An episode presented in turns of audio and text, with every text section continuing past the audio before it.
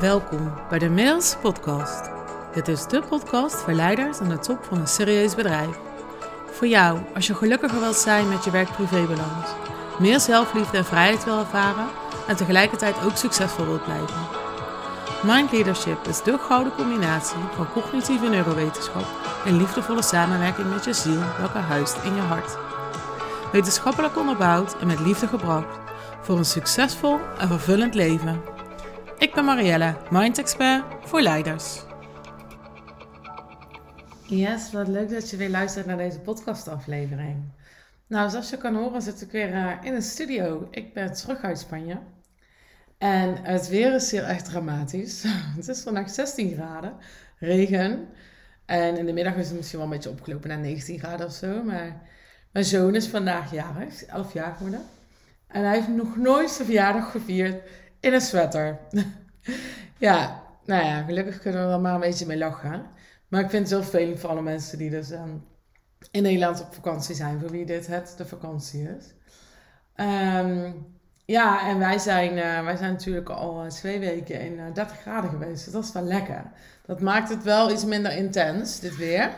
En ja, heb ik gewoon lekker mijn vest aan. En geniet ik ervan om in lekkere deze knusse omgeving en mijn warme studio deze podcast voor je op te nemen. Het wordt een um, iets wat gevoelige aflevering. Ik wilde je meenemen in een, een, onderwerp wat ik een tijd geleden um, een hele mooie zin las in een boek. En het is een, um, een onderwerp waar ik het met mijn, met mijn vriendinnen vaak over heb. En ik denk dat het wel erg herkenbaar is voor je. Want tenslotte zijn wij ondernemers ook gewoon mensen. Soms zijn we net echt mensen. En het gaat over je schaduwkant. En ja, dit, het wordt vaak geroepen. Je hebt ook schaduwkanten. Um, ja, die mag je omarmen. Ik heb dat heel lang allemaal maar gewoon heel vaag gevonden of zo. Ik denk, ja, zijn het dan je slechtste eigenschappen? Of is het dan je ego? Of... Nou, ik heb het allemaal nooit zo goed begrepen. Maar vriendin van mij heeft de uitspraak: ja, en dan stap ik maar even over mijn eigen schaduw heen. En dan snap ik wel wat ze bedoelt. Het gaat dan over een situatie waarin je eigenlijk iets vindt of iets belangrijk vindt. Of, en we doen het ook wel eens als choose your battles. Of, maar dan stappen we daar maar even overheen. Voor de goede orde, voor de goede vrede. Um, ja, omdat de situatie dat vraagt. Omdat de gesprekspartner dat vraagt. Omdat, nou, noem het maar op. Dus ik ga er even vanuit dat je geen standaard people pleaser bent. Um, maar dat je echt wel eens in een situatie terecht bent gekomen waar je denkt, nou ja, dan stap ik maar even over mijn eigen schaduw heen. En dat heeft me eigenlijk altijd best wel veel gebracht en heel geholpen en haar ook. Um, nou ja, mocht je luisteren, dan weet je dat ik het over je heb. um, tot ik een zin las, een paar weken geleden in een boek. En daar stond, je schaduw in het licht zetten. En die vond ik zo mooi, zo diepgaand, dat ik je daarin mee wilde nemen. Omdat we inderdaad vaak geneigd zijn onze gevoelens, onze triggers, onze ego, om, maar onder te drukken, onder water te drukken of aan de kant te zetten, er letterlijk overheen te stappen, zonder er eigenlijk uh, echt erkenning aan te geven. En als je mij al een tijdje volgt, dan weet je dat ik vier basiswaarden heel erg belangrijk vind in het leven. Dat is erkenning krijgen, herkenning krijgen, gezien worden en gehoord worden. En dat geldt ook dus voor jouw schaduw, voor jouw schaduwkanten. En om bij dit hele verhaal, zeg maar, om dit, dit te illustreren, heb ik een persoonlijk voorbeeld voor je. Omdat wij men, ondernemers dus ook maar gewoon mensen zijn. Ik ga heel even meenemen in een, uh, een klein stukje van een persoonlijk verhaal. Mijn, ja, ik, zeg, ik wilde eigenlijk zeggen mijn ex, maar dat zeg ik helemaal nooit. De vader van mijn zoon, want ja, daar is niks van mij bij. Dat is niet mijn ex. De vader van mijn zoon, uh, van onze zoon. En ik zei er al een uh, tijd uit elkaar. Misschien heb je de podcast geluisterd over scheiden. Er zit ook best wel een persoonlijk verhaal in. Um, en vandaag is onze zoon jarig. En vandaag zijn zij op vakantie vertrokken. Want ik heb tijd, ik ben zo. De eerste twee weken van de zomervakantie gehad. Nu heeft zijn vader drie weken vakantie met hem. En daarna komt hij nog een week terug naar mij toe. Om lekker een beetje bij te komen, niks te doen, te land te vanteren. Nou, wat kinderen doen. Ehm, en goed, elk jaar vieren wij zijn verjaardag ook nog samen, Mark en ik. Ik ga altijd naar uh, hem thuis toe en we kopen een gezamenlijk cadeau. We halen gebak, dan hangen slingers op. Mijn moeder komt vaak dan nog even een keertje extra. Die vindt dat leuk. En dan vieren we als ouders ook de verjaardag van onze zoon. En ik vind dat echt een prachtige traditie om in stand te houden. En dan ontstond er dit jaar voor het eerst daar een discussie op, omdat Mark een nieuwe vriendin heeft. En uh, nou, die zijn inmiddels al een jaar samen hoor. Het is niet zo dat dat een vlieging is of zo. Die zijn echt al een jaar of iets meer zelfs al bij elkaar. En hij zegt ja, op dat en dat moment dat we dat willen vieren bij hem thuis, dan is, nou, ik wil haar verder niet erin betrekken, want dat is misschien helemaal niet op te wachten. Maar dan is, nou, uh, nou die, is er dan ook. Oké. Nou, dus ik merkte dat dat mij triggerde. En waar ik dus normaal gesproken zou zeggen, ik stap over mijn schaduw heen, of ik choose deze battle wel, en ik ga deze wel aan, merkte ik wel dat ik dacht, oké, hier mag ik wel even wat zelfonderzoek op doen. Wat triggert mij nu eigenlijk in dit geval?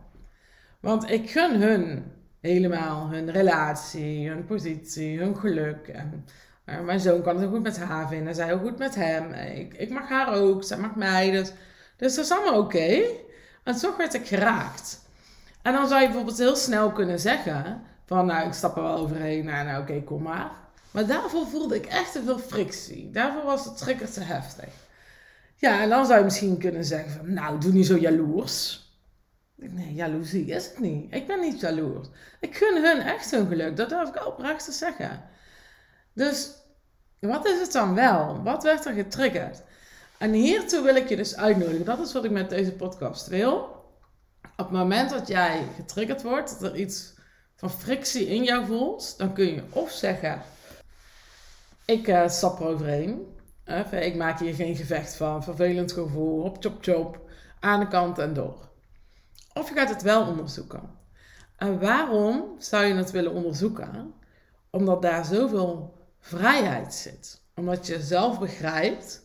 Je de emoties en de triggers in jouw ruimte geeft, letterlijk. Dus ze kunnen ook niet vast gaan zitten in je lijf. Het kan niet als een soort blokkade in je systeem gaan zitten. Geeft heel veel zelfinzicht. Het is heel fijn om jezelf te begrijpen. En het maakt het veel lichter. Want als je het begrijpt, dan kan je het accepteren en loslaten. En dus ik ben echt bij mezelf te raden gegaan. En gaan afpellen van nou, wat is dit dan? En uiteindelijk kwam ik tot twee dingen die mij trekken. Twee uh, oorzaken of twee redenen van wat ik voelde. Als enerzijds, ik ben zelf een kind van gescheiden ouders. En vroeger was het bij mijn vader zo dat zijn nieuwe gezin altijd prioriteit had. En ik als meisje van, nou ja, weet je wat, ergens tussen de 5 en de 15 toen, moest dat maar begrijpen. En dat er een nieuwe vrouw was die misschien ook kinderen had. Of... Het draaide niet meer om mij. Het draaide om hem en zijn nieuw gezin. Dus toen Mark dat zei, hoorde ik mijn vader praten. En dat triggerde mij echt enorm. Dat ik, dat, ja, het, kleine meisje in mij werd geraakt. En dat was heel interessant om dat te kunnen zien, om dat te kunnen voelen. Want ik ben dat kleine meisje niet meer. Maar zo voelde ik me wel weer even. Het was echt alsof mijn vaders stem hard binnenkwam. Met alle ladingen die daarbij zaten. En ik kan daar dan naar kijken. En ik kan daar dan met compassie naar kijken. En mezelf dus snappen. Ik ah, dit stuk wordt er van mij geraakt. Het heeft niks met Mark te maken. heeft niks met Thijs te maken. heeft niks met Mark's nieuwe liefde te maken. Maar ik werd geraakt. En het tweede wat mij dus dan raakte, wat er eigenlijk in verband mee stond, was dat ik weet dus wat het met een kind doet, wat het met mij doet. En daardoor wellicht ook met Thijs. Dat, dat, dat is dan niet per se waar, maar zou waar kunnen zijn. Wat het met je doet als je niet langer de nummer één prioriteit van je ouders bent. En ik wil dus Thijs dat niet meegeven wat ik heb meegekregen. En ehm, ik vind namelijk dat ik op de eerste plaats nog steeds zijn moeder ben. En daarnaast ben ik ook hè, de vriendin van Tom, ben ik ook nou, de coach van die, de dochter van mijn moeder. Je moet allemaal op, hè? alle rollen die je hebt. Maar voor Thijs ben ik op de eerste plaats zijn moeder. En ik vind ook dat Mark, vind ik hè, ik heb daar een mening over. Ik vind ook dat Mark op de eerste plaats tijdens zijn vader is. Dus ik merkte dat, dat enerzijds werd ik geraakt, anderzijds dacht ik, dit is niet de waarde die ik wil leven. Um, hè, als ik congruent ben bij wie ik in essentie ben, dan past dit daar nog niet bij. En wil niet zeggen dat ik daar in de toekomst niet anders over kan gaan denken. Want op zich vind ik dat er licht voor iedereen is en ruimte voor iedereen is. En, maar er is ook een, een tijd en een moment voor iedereen. Dus ik kon dat heel helder bij mezelf voelen. En dat gaf heel veel inzichten, licht, vrijheid. Maar daardoor kon ik het ook goed aan Mark uitleggen. En werd het dus inderdaad niet zo'n catfight van twee vrouwen waar hij dan tussenin komt te zitten. Van ja, stel je niet zo aan. En dat hij zegt, ja, maar ik ga haar toch niet wegsturen omdat jij niet wil dat zij erbij is. En uh, ja, het is mijn huis. En dat is allemaal niet gebeurd. Want ik ben echt op zelfonderzoek uitgegaan. Dus ik heb, ik heb me niet ingeslikt. Ik heb me niet kleiner gemaakt. Ik ben nergens overheen gestapt. Ik heb het gevoel er laten zijn. Ik ben gaan kijken van, hé, hey, maar wat is hier nu echt waar? En wat wil ik daarmee? En uiteindelijk hebben we een moment gekozen dit weekend waarop zij, de nieuwe vriendin, zijn nieuwe liefde, er toch niet was, zodat wij het gewoon op onze manier konden vieren. Ik liep haar niet in de weg, zij had geen last van, van onze viering en hebben het op deze manier kunnen doen. Dus mijn moeder is um, daarbij geweest, we hebben een cadeau voor Thijs gekocht. En zetten altijd traditioneel een streep op de muur. Want Mark is in het oude huis blijven wonen. Ja, oude huis hadden we samen gebouwd, maar in, het, in dat huis blijven wonen. En er staan alle strepen van Thijs van, van kleins af aan staan ook op de muur. Dus we hebben de 11 jaar streep gezet. We hebben gebak gegeten, koffie gedronken. En we vierden Thijs. We hebben hem geëerd. En ik vind dat zo belangrijk. Dus ik heb volledig congruent kunnen zijn. Uh, trouw kunnen zijn aan mijn hart. Aan de waarden die ik belangrijk vind in het leven. En ik heb weer een stukje over mezelf geleerd. Ik heb weer een klein stukje... Um, ja, ze noemen dat dan innerlijk kindpijn. Ja, vroeger lachte ik altijd een beetje zo van, oh je hebt zeker geen step gekregen. En tegenwoordig denk ik daar heel anders over als coach. Daar zit altijd iets, er zit altijd nog wat kindstukken in je. Bij iedereen, dat kun je niet voorkomen. Maar ik heb daar weer even naar kunnen kijken en ik heb daar weer een stukje in geheeld en een erkenning aan gegeven die het verdient. En daardoor is het helemaal in harmonie gegaan.